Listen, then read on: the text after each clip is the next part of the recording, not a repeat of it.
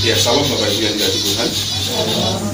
Mari kita akan membaca firman Tuhan pada pagi hari ini yang saya ambil dalam kitab 1 Korintus pasal yang ke-10.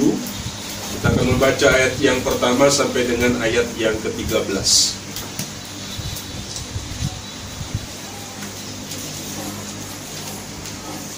1 Korintus pasal yang ke-10 ayat yang pertama sampai dengan ayat yang ke-13. Mari kita akan membaca secara silih berganti ayat ganjil. Kaum laki-laki membacakannya, ayat yang genap. Kaum perempuan akan membacakannya. 1 Korintus pasal 10 ayat pertama sampai dengan ayat yang ke-13 demikian bunyi firman Tuhan. Israel sebagai suatu peringatan. Aku mau supaya kamu mengetahui, saudara-saudara, bahwa nenek moyang kita semua berada di bawah perlindungan awan dan bahwa mereka semua telah melintasi laut. Untuk menjadi pengikut Musa, mereka semua telah dibaptis dalam awan dan dalam laut. Mereka semua makan makanan rohani yang sama, Dan mereka semua minum minuman rohani yang sama. Sebab mereka minum dari batu rohani yang. Tetapi sungguh pun demikian, Allah tidak berkenan kepada bagian yang terbesar dari mereka, karena mereka ditewaskan di padang gurun. Semuanya ini telah terjadi sebagai contoh bagi kita untuk memperingatkan kita supaya jangan kita menginginkan hal-hal yang jahat seperti yang telah mereka perbuat. Dan supaya jangan kita menjadi penyembah-penyembah berhala, sama seperti beberapa orang dari mereka, seperti ada tertulis. Maka duduklah bangsa itu untuk makan dan minum. Kemudian bangunlah mereka dan bersukaria. Janganlah kita melakukan percabulan seperti yang dilakukan oleh beberapa orang dari mereka, sehingga pada satu hari telah tewas 23 ribu orang. Dan janganlah kita mencobai Tuhan, seperti yang dilakukan orang beberapa orang dari mereka, sehingga mereka mati di bangkut ular. Dan janganlah bersungguh-sungguh seperti yang dilakukan oleh beberapa orang dari mereka, sehingga mereka dibinasakan oleh malaikat maut. Semuanya ini telah menimpa mereka sebagai contoh dan dituliskan untuk menjadi peringatan bagi kita yang hidup pada waktu di mana zaman akhir telah tiba. Sebab itu siapa yang menyangka bahwa ia jatuh berdiri, hati-hatilah supaya ia jangan jatuh. Pencobaan-pencobaan yang kamu alami ialah pencobaan-pencobaan biasa yang tidak melebihi kekuatan manusia. Sebab Allah setia dan karena itu ia tidak akan membiarkan kamu dicobai melampaui kekuatanmu. Pada waktu kamu dicoba, ia akan memberikan kepadamu jalan keluar sehingga kamu dapat menanggungnya. Amin. Berbahagia setiap kita yang membaca firman Tuhan, terlebih setiap kita yang melakukan akan firman-Nya. Bapak Ibu Saudara yang dikasih Tuhan,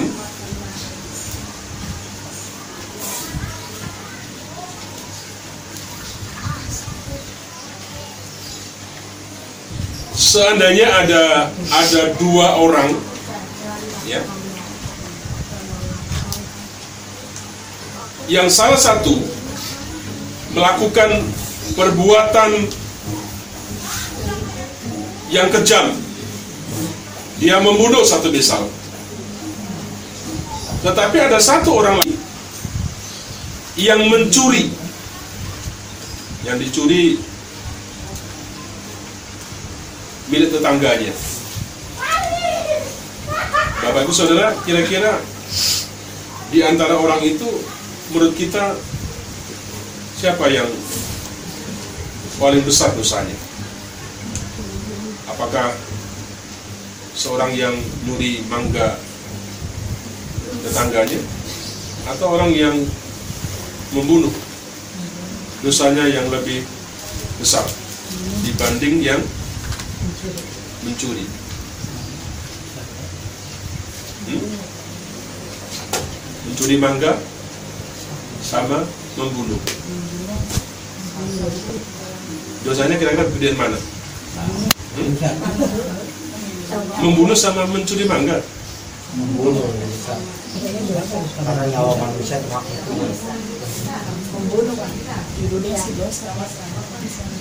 Kenapa kamu senyum-senyum Rio? Lebih besar mana Rio kira-kira? Mau nyuri mangganya tetangga sama membunuh orang?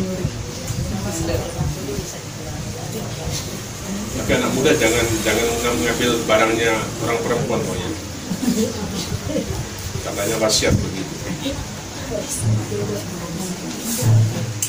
Ada orang yang berpandangan bahwa yang membunuh itu lebih besar karena itu berharga bicara tentang nyawa. Tapi mangga tidak apa-apa lah.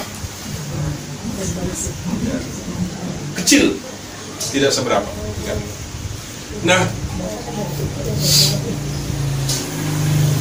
sebenarnya Bapak Ibu kalau kita bicara tentang dosa, dosa itu dimengerti dengan mudah, artinya satu pelanggaran, ya, Sa- satu perbuatan, satu kegiatan, satu aktivitas yang melanggar ketentuannya Tuhan, ketetapan Tuhan, perintahnya Tuhan, itu yang dikategorikan adalah do, dosa.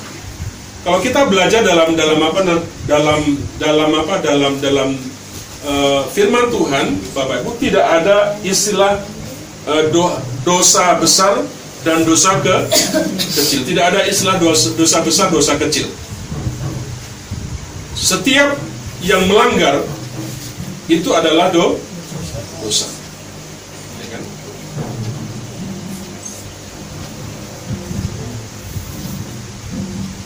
Kalau memang demikian keadaannya Bapak Ibu, ya. Coba sekarang kita ingat-ingat kembali. Kita yang tadi bangun bangun bangun pagi sampai sekarang yang saat ini berada di sini, kira-kira kita ini sudah berbuat dosa atau belum?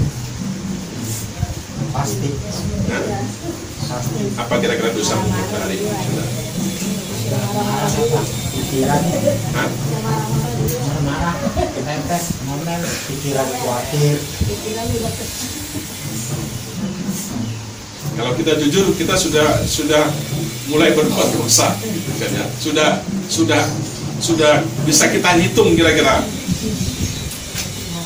Gak usah dijawab kira-kira dalam, dalam hati saja. Tetapi saya yakin dari kita melek mata sampai hari ini pasti kita berbuat buat- sudah berbuat dosa. Pagi-pagi saya ngaku ada datang. Pak, beli token tapi ngutang dulu ya gitu. saya bilang dulu saya bilang oke. Aja akhirnya saya, saya ngomong. Kan yang punya empunya begitu. Kan masih ngorok yang punya. Ada di bikin, perkara kalau gitu kan. Saya bilang nggak ada. Saya nggak tanya apakah ada atau tidak gitu kan. Bapak Ibu sebenarnya kalau kita jujur secara tidak ini kadang-kadang kita di- di- dibuat begitu. Setiap kita diperhadapkan seperti itu. Kalau kita mau jujur dalam kehidupan kita sehari ini tidak pernah ya, luput dari dosa. Baik yang kita lakukan dengan sengaja atau ti- tidak. Makanya kalau orang berdoa Tuhan Yesus ampuni doa doa disengaja dan tidak disengaja gitu kan. Ada yang diucapkan begitu. Kalau Tuhan tanya, kira-kira doa yang tidak sengaja apa? Kita kita kita berdoa sama Tuhan, Tuhan, Engkau kan lebih tahu daripada aku kira-kira. Cari sendirilah kira-kira begitu. Ya. Jadi baik yang disengaja atau tidak, baik kepada sesama maupun kepada tu, Tuhan. Kita telah dalam keseharian kita kita berbuat seperti itu. Ya. Nah, saudara-saudara dikasih Tuhan, nah berkaitan dengan dosa, kita tahu bahwa setiap orang yang telah berbuat dosa, ya, kita sadar, kita tahu semuanya bahwa semua orang, apa pun statusnya, siapa apa pun jabatannya, ya, kita tahu bahwa setiap orang telah berbuat do, dosa, kecuali Tuhan Yesus saja tidak. Ya. Nah, kalau demikian Bapak Ibu, maka kita tidak perlu memandang orang lain memiliki dosa yang lebih besar dari ki- kita. Tidak etis rasanya kalau kemudian kita menunjuk bahwa orang itu dosanya be- besar. Kenapa? Karena kita sebenarnya dalam setiap hari, kalau jujur kita mau katakan, kalau kita mau meng- mengakui, kita ini sering kali juga berbuat do, dosa. Ya. Nah, seperti itulah halnya yang dilakukan oleh beberapa orang yang membawa kabar di dalam Alkitab tentang orang-orang Galilea. Kalau kita membaca dalam kitab Lukas di sana dijelaskan, kita bisa di sana, ya. Nah,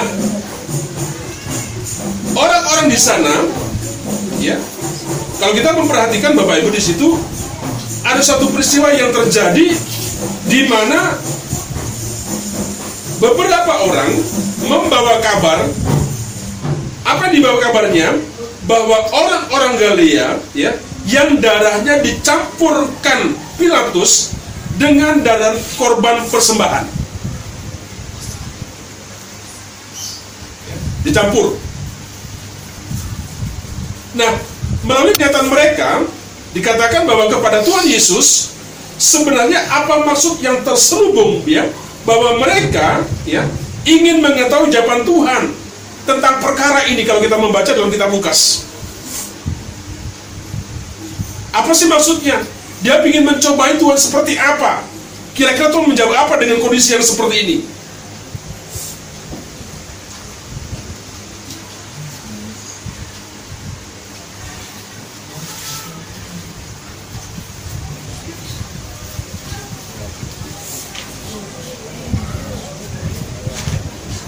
Coba Bapak Ibu perhatikan Lukas pasal yang ke-13.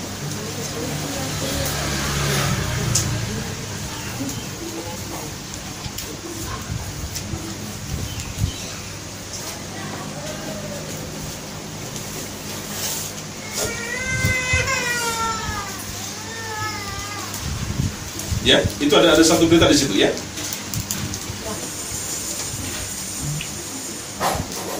orang-orang Galilea yang darahnya dicampurkan Pilatus dengan darah korban yang mereka persembahkan. Apa jawaban Yesus? Ya. Perhatikan ayat yang yang yang yang ketiga dan ayat yang kelima. Tidak. Kataku kepadamu, tetapi jikalau kamu tidak bertobat, kamu semua akan binasa atas cara demikian. Ya, kemudian lima, saya potong. Tidak. Kataku kepadamu, tetapi jikalau kamu tidak bertobat, kamu semua akan binasa dengan cara demikian. Ya. Ini jawaban Yesus. Yesus mengingatkan kepada mereka dengan keras dan tegas, ya, bahwa dikatakan di situ harus bertobat.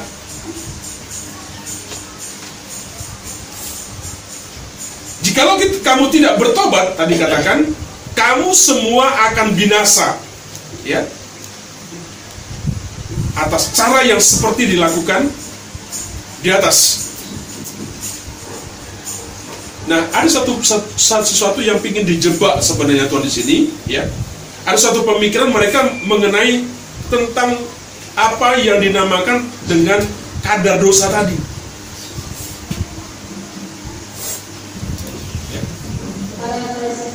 Nah, setiap orang pasti berbuat dosa.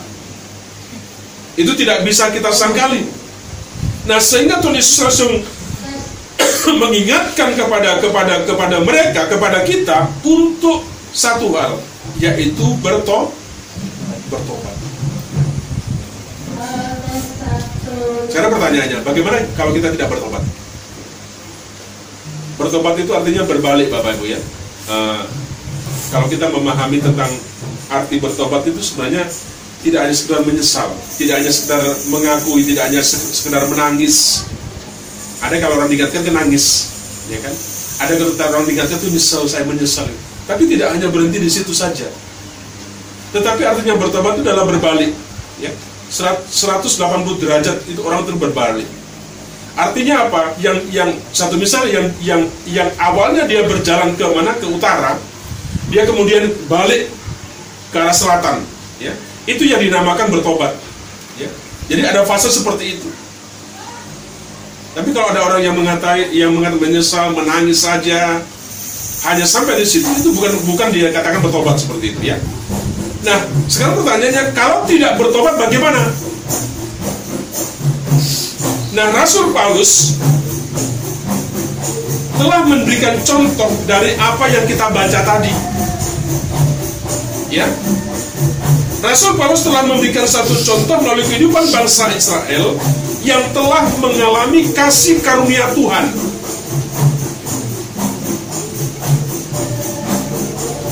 Ya. Mereka telah dibebas- dibebaskan dari perbudakan. Mereka sudah dibaptis. Ya. Mereka sudah dipelihara di padang gurun. Sehingga satu, satu memiliki satu hubungan, satu persekutuan yang erat dengan Kristus. Ya. Nah, walaupun dia mengalami seperti ini, walaupun dia mengalami kasus karunia yang seperti ini, Bapak Ibu, sebagian besar yang kita baca tadi, mereka telah gagal untuk menaati perintahnya Tuhan. Walaupun dia sudah dipelihara, walaupun dia sudah diberkati, walaupun dia sudah dibaptis ya, waktu mereka dikatakan di laut diselamatkan macam-macam lah seperti itu.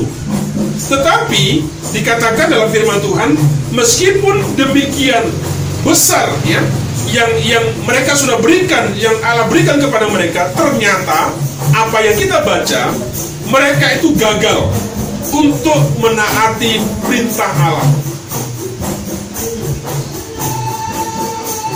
Akibatnya apa?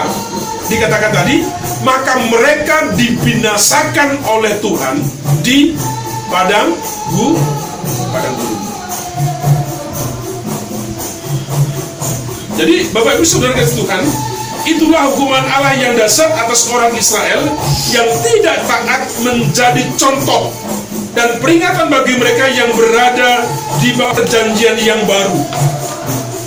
Ya, supaya apa? Supaya jangan ya menginginkan hal-hal yang jahat, hal-hal yang tidak baik. Oleh sebab itu, salah satu cara yang harus ditempuh ya hanya satu jalan yang harus dilakukan yaitu yang dinamakan dengan pertobat pertobatan pertobatan inilah adalah salah satu cara salah satu jalan untuk kembali kepada Allah Bapak Ibu Berapa kali kita bertobat? Cukup sekali kita bertobat? Hah? Apakah hanya sekali kita ber- ber- bertobat sudah eh, selesai? Hmm?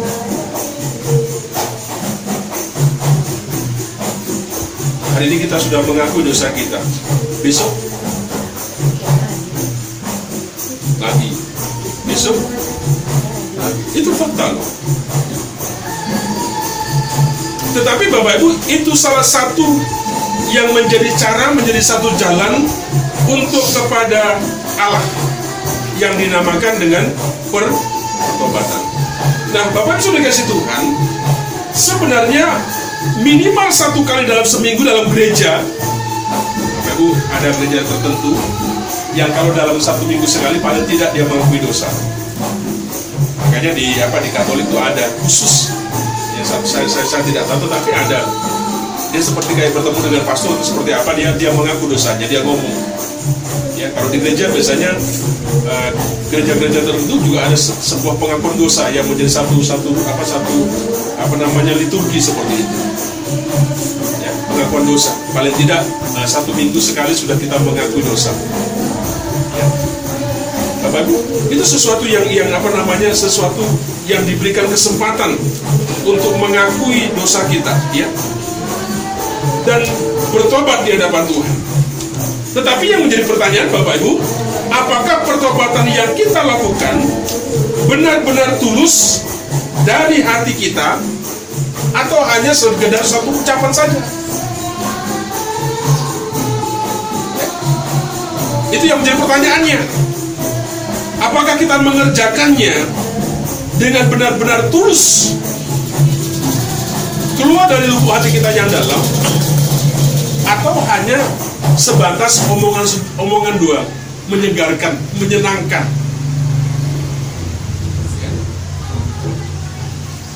Bapak Ibu, tentunya pertobatan yang yang pertobatan itu tidak hanya hanya di bibirnya saja ya, tidak hanya di, di mulutnya saja, tetapi harus keluar ya dari dalam hati kita. Pertobatan ini bisa terjadi ketika seorang melakukan atas kemauannya sendiri. Tidak ada ada ada pressure tidak ada sebuah tekanan tidak sebuah dorongan. Tetapi sungguh-sungguh lahir dari dari hatinya sendiri. Ya. usah dipaksa. Gak usah diancam-ancam. Kadang-kadang kita ngaku saja ngaku dosa saja diancam. Kalau kamu gak ngaku nanti mama gak kasih duit. Tidak ngaku. Tapi lebih parahnya kalau kalau anak kita ngaku lebih parah lagi gitu kan. Setiap ada peristiwa selalu bunyi, dulu kamu seperti itu. Makanya anak-anak kita tidak mau pernah ada pengakuan. Kenapa? Selalu diulang, selalu dibicarakan, dan itu menyakitkan. Kalau sudah di, di, dikatakan, ya tutup, tutup buku kira-kira begitu. Tetapi manusia sulit untuk melupakan sesuatu yang sudah dibuat sebuah kesalahan begitu. Selalu diungkit-ungkit selalu diungkit-ungkit. Apalagi kalau sudah terjadi ada satu problem ada satu masalah di tengah-tengah keluarga kita itu selalu dibicarakan seperti itu. Sehingga orang yang mau mengaku kadang-kadang sulit. Tidak berani ngaku salah ya. Tidak ngaku salah. Itu faktanya dan kesadaran kita seperti itu. Nah, Bapak Ibu kasih Tuhan, mari kita kita sungguh menyatakan itu sungguh-sungguh dari hati kita. Jangan ada sebuah paksaan begitu. Tidak perlu ditekan-tekan, tidak perlu diancam-ancam. Biar roh Tuhan yang yang membimbing kita mengakui seperti itu.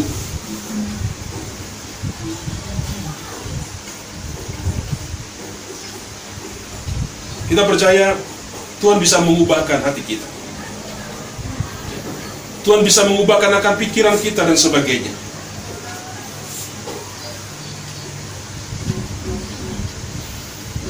Bapak Ibu, sekarang apakah tandanya? Apakah kira-kira buktinya? Ya, yang kita bisa tahu, yang bisa kita gunakan untuk mengetahui, ya, apakah pertobatan seseorang yang dilakukan sungguh-sungguh ya atau tidak apa tolak ukurnya? Apa yang bisa kita kita jadikan barometer seperti itu?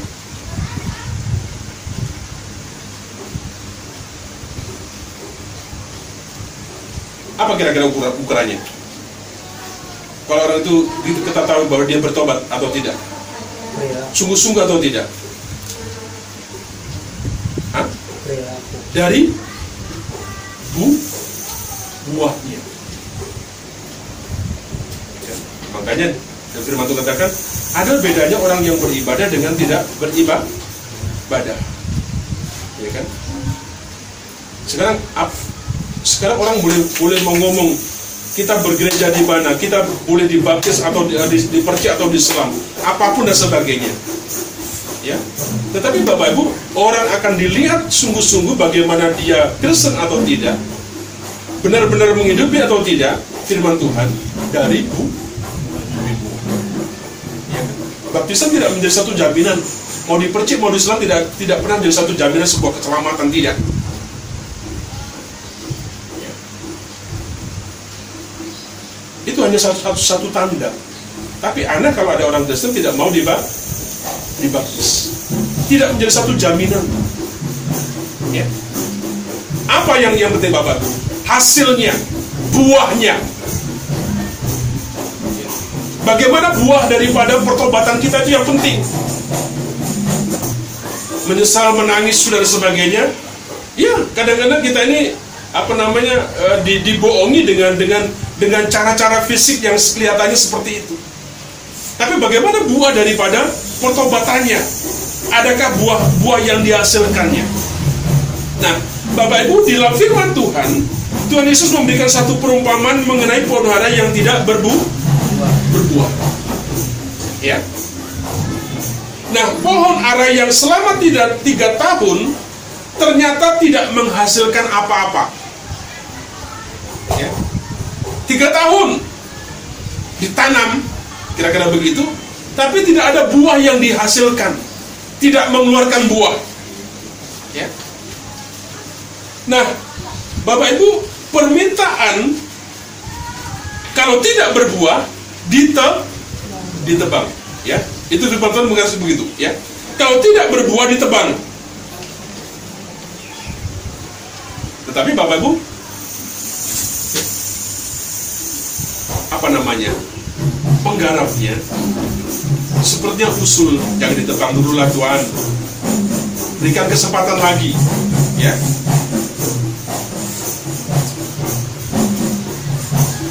Penggarapnya berkata seperti itu, berikan kesempatan lagi. Siapa tahu dalam selama satu tahun ini bisa berbu berbuah. Kalau tidak berbuah dalam masa satu tahun ini, ya, maka layak kira-kira buah ini apa pohon ara ini untuk ditebang. Penggarapnya hanya mencoba, ya, dipelihara, dipupuk dan sebagainya, ya, supaya ada satu ada satu harapan untuk menghasilkan bu buah. Siapa tahu dalam satu tahun bisa menghasilkan bu buah. Ya. Nah ternyata Bapak Ibu benarlah pohon ara tersebut masih diberikan waktu selama satu tahun. Tuannya bilang boleh. Nah ini satu-satu gambaran, satu perumpamaan yang yang yang yang diajarkan Tuhan Yesus tentang buah. Ada nggak buahnya seperti itu? Ya. Nah, begitu juga dengan kita Bapak Ibu. Kalau kita bertobat, ya, masih diberikan kesempatan untuk menghasilkan buah. Masih ada satu pengharapan bagi kita. Jadi jangan kemudian kita enak-enak seperti itu. Ada kesempatan yang diberikan diberikan Tuhan kepada kita untuk kita ini menghasilkan bu. Ada kesempatan, ada waktu, ada tenggang waktu masing-masing kita diberikan kesempatan untuk berbu buah.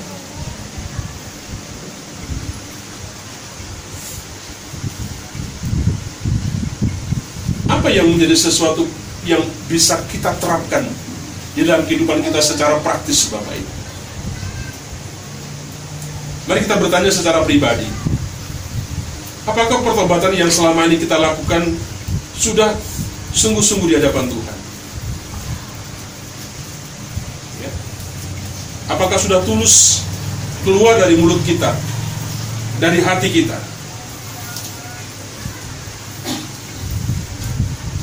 Kita bisa bisa bisa mengevaluasi masing-masing kita. Apakah kita sudah bisa sudah menghasilkan buah yang baik, buah yang besar, yang tidak dimakan ulat,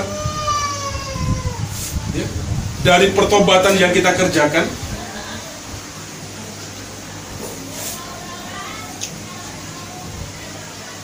Ingat, kita masih diberikan kesempatan sama Tuhan.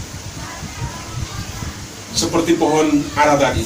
Seperti apa yang diharapkan oleh penggarap tadi minta waktu satu tahun ya. kalau Tuhan memberikan kesempatan kepada kita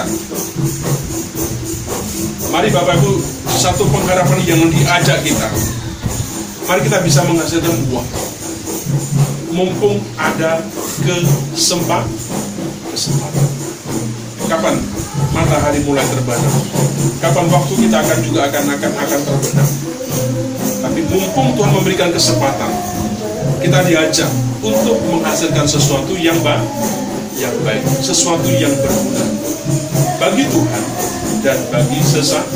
sesama. Tetapi kalau tidak, pemiliknya akan ngomong dan tidak ada. Biarlah ini menjadi satu perenungan bagi kita mengajak kepada setiap kita Tuhan memberikan kasih karunia yang besar kepada kita. Jangan pernah disia-siakan. Ya. kalau kalau kita mengalami seperti itu hanya satu cara yaitu lewat pengobatan. Mari kita kerjakan dengan sungguh-sungguh dengan hati yang sungguh-sungguh ya. dan satu pengharapan yang berikutnya biarlah akhirnya kita menghasilkan buah. Mari kita tunduk kepala, kita berdoa bersama-sama. Kami bersyukur dan kami berterima kasih Tuhan pada siang hari ini. Satu ajakan, satu peringatan yang Tuhan berikan bagi kami kepada masing-masing pribadi kami. Kalau hari ini kami diberikan kesempatan, kalau kami diberikan umur yang panjang kepada setiap kami Tuhan, kami tidak ingin menyia-nyiakan waktu kesempatan kami hanya untuk kepentingan kami pribadi. Biarlah selama kami hidup, selama Tuhan memberikan anugerah kepada kami, hidup kami sungguh berbuah, hidup kami sungguh berarti bagi Tuhan